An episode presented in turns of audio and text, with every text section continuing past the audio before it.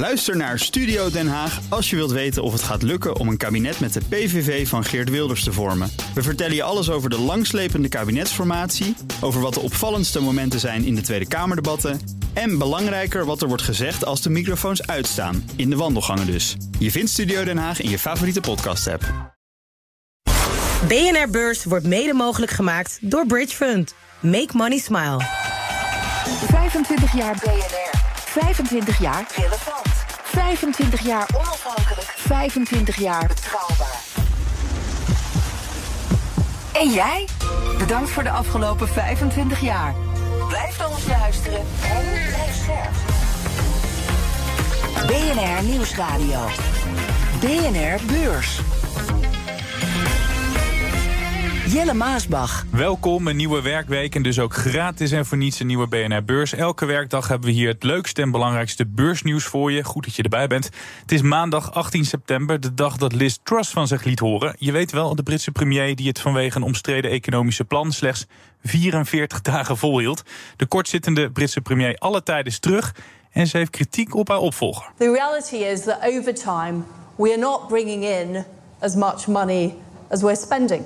Our debt levels are close to 100% of GDP. We have the highest debt interest payments in the developed world. Gelukkig hebben we hier in de studio een vrouw die wel succes heeft. Al jaren leidt ze namelijk met succes Vintessa Vermogensbeheer. Martine Hafkamp, welkom. Goed dat je er bent. En ook al uh, zo'n beetje sinds de oprichting van BNR te horen, hè? Ja, ik ben al wel heel lang, uh, met, uh, soms met tussenposters, maar al heel lang uh, wel op zender te horen bij jullie. Nou, blij dat je ja. er al die jaren bij bent. En nu in deze aflevering. De AX dan nog even, die sloot 0,8% lager, net onder de 736 punten. Grootste dalen is Atjen, ruim 6% eraf. Ander bedrijf dat naar beneden ging is Prozus. Beleggers die kregen ineens het onverwachte nieuws dat de CEO weg is. En uh, niet over een paar maanden, maar per direct. Dat gaan we zo bespreken. Maar eerst even, wat uh, viel jou verder op, Martine? Nou ja, wat natuurlijk al een tijdje aan de gang is, maar dat het eigenlijk best wel hard gaat. Dat de olieprijs best hard en in snel tempo oploopt. En dan gaat natuurlijk iedereen weer zeggen: wanneer komt de 100 dollar? Gaan we daar doorheen?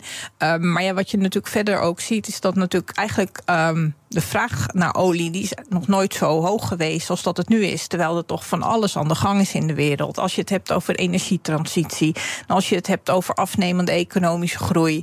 Uh, maar dan blijkt toch uh, de olieprijs weer barstiger dan van alles. En ja, nou je hebt eigenlijk is, de moraal van het verhaal natuurlijk ook dat je olie wel nodig hebt ook voor die energietransitie.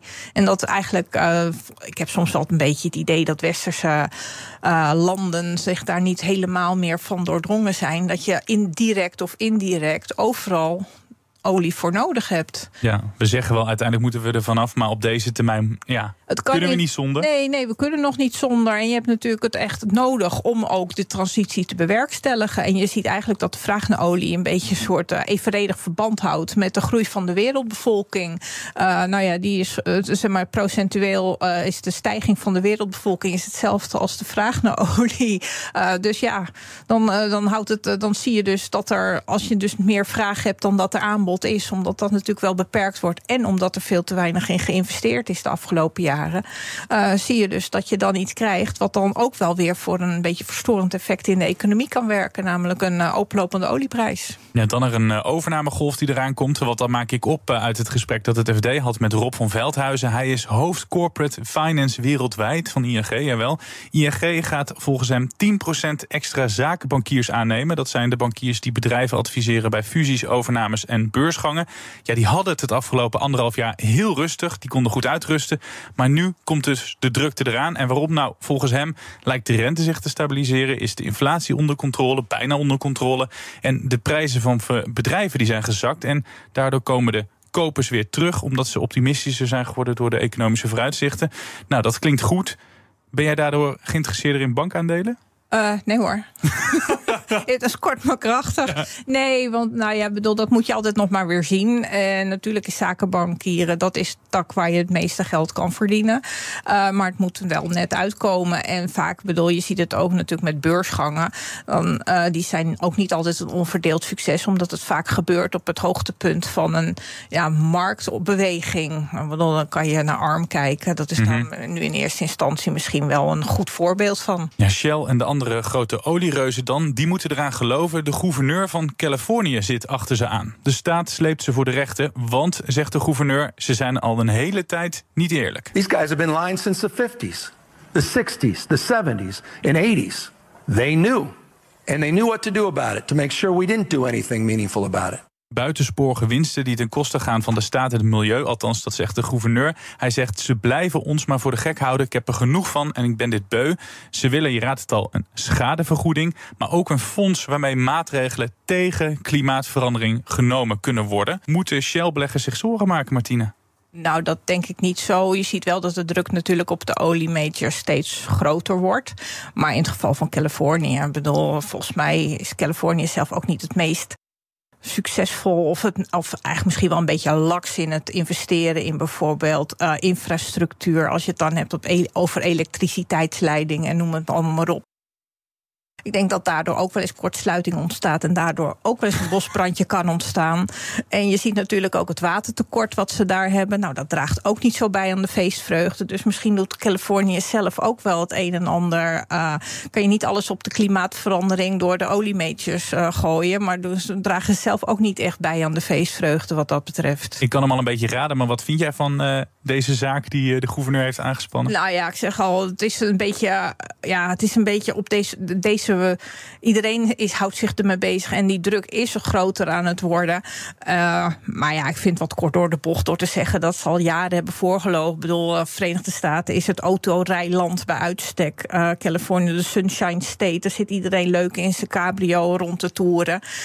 dus ja, ik denk niet dat de mensen aan de pomp, zeg maar, de, de Joe Sixpack, die willen allemaal niet heel veel meer aan de pomp betalen. Dus daar zal het dan toch vandaan moeten komen als ze in fondsen moeten, als in fondsen moeten gaan storten. Bedrijven als Apple, Amazon en Microsoft ze zijn allemaal lid van de 1000 miljard club. Beursbedrijven die meer dan 1 biljoen waard zijn. Martine die tipt zo een bedrijf dat ook kan toetreden tot die exclusieve club. Dat hoor je zo, maar we beginnen met Bob van Dijk van Prozus. Hij was tien jaar lang de baas, maar stapt onverwachts op. Een collega-bestuurder die wordt eh, de interimbaas tot er een nieuwe topman gevonden is. En zo komt er toch een wat gek einde aan de periode van Van Dijk. De man die het meest verdiende van alle AX-CEO's. Hij was de best betaalde topman. Hij kreeg 57,5 miljoen euro voor een jaartje werken. Bleek uit uh, onderzoek van de Volkskrant. Ja, voorbeurs toch wel de nodige twijfels en verwarring. Er was niet echt een reden voor zijn vertrek. Later zei de president-commissaris dat het een goed moment is om het stokje over te geven. Ben je het daarmee eens? Nou ja, wel als je dus bedenkt dat de kapitaalstructuur natuurlijk net veranderd is. Uh, waardoor ze een beetje meer nespers en uh, proces wat meer uit elkaar gevlochten worden. Zodat het wat duidelijker wordt. Um, zodat ze dan ook allebei gewoon lekker aandelen kunnen inkopen. Zonder dat dat tot problemen leidt. Dus in die zin denk ik dan, ja, dan is het een mooi moment om afscheid te nemen. Alleen het moment waarop dat dan gebeurt, dat is dan misschien een beetje ja, verrassend. En dat je het dan ook gewoon per direct doet. Maar uh, ze, hebben dan, ze zijn van mening dat twee kapiteins op één schip dat dat niet werkt. En dat je dan gelijk de verantwoordelijkheid bij een nieuwe uh, topman moet gaan leggen. Ja, ik las ook iemand die zei, ja, het is een beetje een bullshit uitleg. Kan je daarin vinden? Ja, ik vind eigenlijk helemaal niet zo'n uitleg, als ik eerlijk ben. Gewoon zeggen van nou, het is mooi geweest. En uh, bedoel, ja, verder, er wordt niet echt heel veel, er worden niet heel veel woorden aan verspild, zeg maar. Nee, want uh, die uh, president-commissaris zegt, ja, als je besluit neemt, dan is het goed dat meteen te doen. Maar ja, moet je beleggers dan ook niet wat meer vertellen van, uh, we waren hier al langer mee bezig, of, of, of ja. een andere manier brengen? Ja, dan, nou ja, dan, ik zou wat meer toelichting, ik zou het ook iemand netjes vinden ten opzichte van je oude topman, dat je daar iets meer over vertelt misschien. maar ja, bedoel, dit is de weg die zij gekozen hebben. En ja, nou ja, bedoel, kan er van alles van vinden. Het moet blijken natuurlijk of dat wijs is geweest. Ja. Dan wordt die uh, interimmer. Uh, er is een interimmer aangesteld. Van ja. Dijk wordt adviseur, moet ik ja. zeggen. Dat gaat heel vaak met die vertrekkende CEO's. Dan mogen ze aanblijven. Gaat dat werken? Nou ja, ik denk dat ze zelf denken van wel, maar dat zal ook weer de tijd moeten leren. Hè? Want hij zal het vanaf de zijlijn moeten doen. Terwijl je toch een ander eindverantwoordelijk maakt. En uh, nou ja, bedoel, die zal ook zijn sporen al wel Hij heeft natuurlijk zijn sporen al best wel verdiend. Ja. Uh, maar ja, um, en het is eigenlijk ook wel een soort logische topman. Want het komt ook een beetje van het Vision Fund vandaan, natuurlijk, van Softbank. Mm -hmm. um, dus in die zin zit hij wel in de hoek. Want het gaat natuurlijk vooral om die onderwaardering van, uh, ten opzichte van Tencent, zeg maar, eruit te krijgen. Om dan natuurlijk Tencent het nog steeds het grootste belang is. Dat willen ze eventueel verder gaan afbouwen. Maar als je dan verder ziet dat natuurlijk al die andere belangen en alles wat hij dan gedaan heeft de afgelopen jaren, dat dat nog niet echt heel veel waarde toevoegt qua beurskoers. Nee. Uh, ja, dan is het misschien ook wel leuk als een ander daar eens naar gaat kijken. Ik zat even te kijken naar de beurskoers van uh, Proces sinds de beursgang. ja, jij dat is lacht. ook geen heel Dat groot is geen succes. Wordt dat nog een interessant aandeel? Uh, nou, op zich hebben ze heel veel interessante belangen natuurlijk. En het is heel bijzonder dat dat er nog steeds niet genoeg gewaardeerd wordt. Want ze hebben wel gediversificeerd natuurlijk. Ze doen maaltijdbezorging. Ze hebben natuurlijk heel veel. Er zitten uh, zeg maar de zoekmachines ook bijvoorbeeld in India. Ja. Of de marktplaatsen, dat soort dingen. Dus ze zitten wel echt in groeimarkten. Alleen uh, beleggers zien het dus niet zo. En die kijken er eigenlijk nog steeds vooral naar als een indirect belang in Tencent.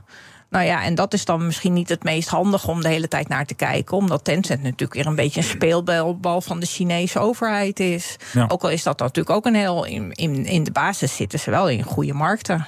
Ja, van technologie en ontwikkeling dan naar iets dat al een tijdje meegaat. De euro. De munt heeft het zwaar. Al weken daalt de euro. Dit kan de tiende week op rij worden dat de munt wegzakt ten opzichte van de dollar. Onze munt is hard op weg om de slechtste periode in 23 jaar tijd in de boeken te zetten. Ja, eerst maar even, wiens schuld is dat? Is dat die van het voorzitter Jerome Powell en zijn monetair beleid? Of is het Uh, misschien wat wel van anders? de Europese economie is het zijn schuld. Kan ook nog natuurlijk. Hè, Ja, want die die Duitse draait- economie die draait eh, Ja, niet goed. Nee, nee, dus daarom. Dus je ziet natuurlijk, het zijn, er is een aantal redenen. Natuurlijk is de rente in de Verenigde Staten hoger dan in Europa. Dus dat is een reden. Op zich draait de Europese economie natuurlijk veel minder sterk uh, dan. En blijft eigenlijk, de Verenigde Staten blijft de economie nog steeds redelijk goed van liggen. Dus het is een samenloop van omstandigheden. Alleen je moet het ook niet groter maken dan het is. Want vanaf het begin van het jaar is er eigenlijk niet zo heel veel Nee. gebeurd als je het zo bekijkt. En ten opzichte van vorig jaar, toen was de euro nog zwakker. Dus dat zijn we dan allemaal weer eventjes vergeten. Uh, dus in die zin. Maakt het uh, niet uit. En het kan natuurlijk ook voordelen hebben. Als je bijvoorbeeld kijkt naar de export. Nou, je kan, eh, je kan het van een heleboel kanten bekijken. Het heeft een voordeel voor de export. Want als je dus buiten Europa exporteert naar de Verenigde Staten, dan worden je producten goedkoper. Aan de andere kant, je import wordt duurder. Als je multinational bent, maakt het niet zoveel uit. Want dan heb je natuurlijk in diverse continenten je, je omzet. Ehm, wat wel weer een nadeel kan zijn, is dat natuurlijk ook Europese bedrijven weer wat meer een hapklaar brokje kunnen worden voor Amerikaanse bedrijven. In de van overnamekandidaten. Omdat ze dus weer nog extra goedkoop worden. Maar dat kan betekenen dat Europese aandelen dan wel interessanter worden voor beleggers. Want dan worden die mogelijk Dat overgenomen. zou, maar daar moet je natuurlijk nooit een bedrijf op kopen, op mogelijke overnamekandidaat. En we horen natuurlijk altijd, was aan het begin van het jaar ook weer zo, dat Europese bedrijven echt veel aantrekkelijker waren dan Amerikaanse. En dat Amerikaanse bedrijven veel duurder zijn op de beurs dan Europese. Maar soms heeft dat ook wel een reden. En eigenlijk is dat dit jaar natuurlijk ook weer zo. Uh, en buiten dat, als je zeg maar de grootste zeven bedrijven eruit haalt op de Amerikaanse beurs, dan valt die waardering van die Amerikaanse aandelen ook wel weer een beetje mee. Alleen daar zit nou eenmaal veel meer geld. Dus dan kan je vaak wat makkelijker een overname sprongetje wagen. Over die Amerikaanse beurs gesproken. BNR Beurs. Mooi bruggetje naar Wall Street. De Dow Jones in de plus, drie tiende van een procent erbij. De S&P 500, drie tiende van een procent erbij. De Nasdaq, mag je raden? Geen idee. Drie tiende van een procent erbij. Wat, Wat, verrassend. wat opvalt zijn de auto-aandelen. We hadden het er in de vrijdaguitzending al over. Die enorme staking in de VS. Werknemers van autobouwers die willen dat er een CAO-akkoord komt. En als dat er niet is, dan gaan ze niet werken. Nou, vandaag is de vierde dag op rij dat ze staken. Afgelopen weekend hebben de bedrijven met de vakbond gesproken. Die gesprekken die waren redelijk productief, zei de vakbond. Maar er is dus nog geen witte rook. En dat zorgt ervoor dat bijvoorbeeld een General Motors bijna anderhalf procent naar beneden gaat. Ford bijna 2 procent. En Stellantis een kleine procent naar beneden. BNR Beurs. Deze hele week hebben we het over een uh, bijzondere club, de 1000 miljard dollar club. Daar zijn uh, nu een aantal bekende namen lid van. Denk bijvoorbeeld aan Apple, aan Aramco, Microsoft. Maar deze hele week gaan we op zoek naar de leden van de toekomst. En dus, Martine, ben ik heel benieuwd welk bedrijf jij mee neemt. Welk bedrijf dus in de toekomst. Mogelijk... eh, ja, ik dacht, ik doe geen techbedrijf, want dat ligt allemaal zo voor de hand. Maar ik dacht, eh, Eli Lilly. En natuurlijk heeft dat al best wel. Nou, in slechte, zo 2022 was het niet de beste belegging, zeg maar, die je kon hebben. Maar ze hebben natuurlijk heel veel eh, hele goede ijzers in het vuur. Eh, nou, iedereen weet van alles over. In eh, samen met Novo Nordisk doen ze natuurlijk heel goed op het gebied van, eh, nou ja, eigenlijk officieel heet het diabetesmedicijnen natuurlijk. Maar ze zijn natuurlijk ook voor obesitas. En nu heeft Eli Lilly daar nog niet de goedkeuring voor. Om het ook voor op die eh, gronden voorgeschreven te, eh, te mogen worden. Maar artsen doen het al wel op grote schaal. Ehm, daarnaast hebben ze natuurlijk nog een heel goed medicijn tegen Alzheimer. Of tenminste, dat is nog niet. Maar dat is, daar zijn ze best wel ver in de ontwikkeling. Nou, dat is ook een hele grote markt. Nou, die obesitasmarkt is natuurlijk nog heel veel groter. Als je alleen al kijkt in de Verenigde Staten, bijvoorbeeld met die Alzheimer. Nou, zijn er nu 6 miljoen mensen die daaraan lijden. Maar eigenlijk worden dat er meer als je een vergrijzende bevolking hebt. Precies, nou ja. ja. Dus dat zijn hele. En daarnaast hebben ze natuurlijk ook nog hele goede eh, medicijnen tegen kanker, bijvoorbeeld tegen borstkanker. Ja. Dus ze zijn op heel veel vlakken actief. Daar is de waardering ook wel een beetje naar. Want het is, niet het, het is nu al het grootste farmaciebedrijf ter wereld. Maar eh, gezien de markten waar zij in zitten en kunnen zitten. en de groeipotentie daarvan. Ja. eh, denk nou op termijn. En denk niet gelijk volgend jaar. Zou dus dit, dit nou wel eens een leuk bedrijf kunnen zijn. wat daar wel in de richting die duizend miljard kan gaan? En dan weet ik wel, de waardering van heel veel aandelen is op basis van wat ze kunnen Ja. gaan verdienen. Maar je hebt het over twee medicijnen die nog goedkeuring moeten krijgen. Eh, wanneer is de verwachting dat ze die gaan krijgen? Nou, tegen, voor obesitas, dat wordt waarschijnlijk deze herfst. Dus nou ja, dat is binnen nu en snel. Want ze hebben hele goede onderzoeksresultaten. En dan zou het nog product, eh, effectiever zijn dan de medicijnen van Novo Nordisk. Dus dat je procentueel nog meer gewicht kan verliezen. Nou is het altijd handig als je er nog een soort bijeffecten kan hebben. Dus dat het ook goed is tegen hart- en vaatziekten, ik noem maar wat. Want dan kan het nog veel makkelijker Ja. voorgeschreven worden.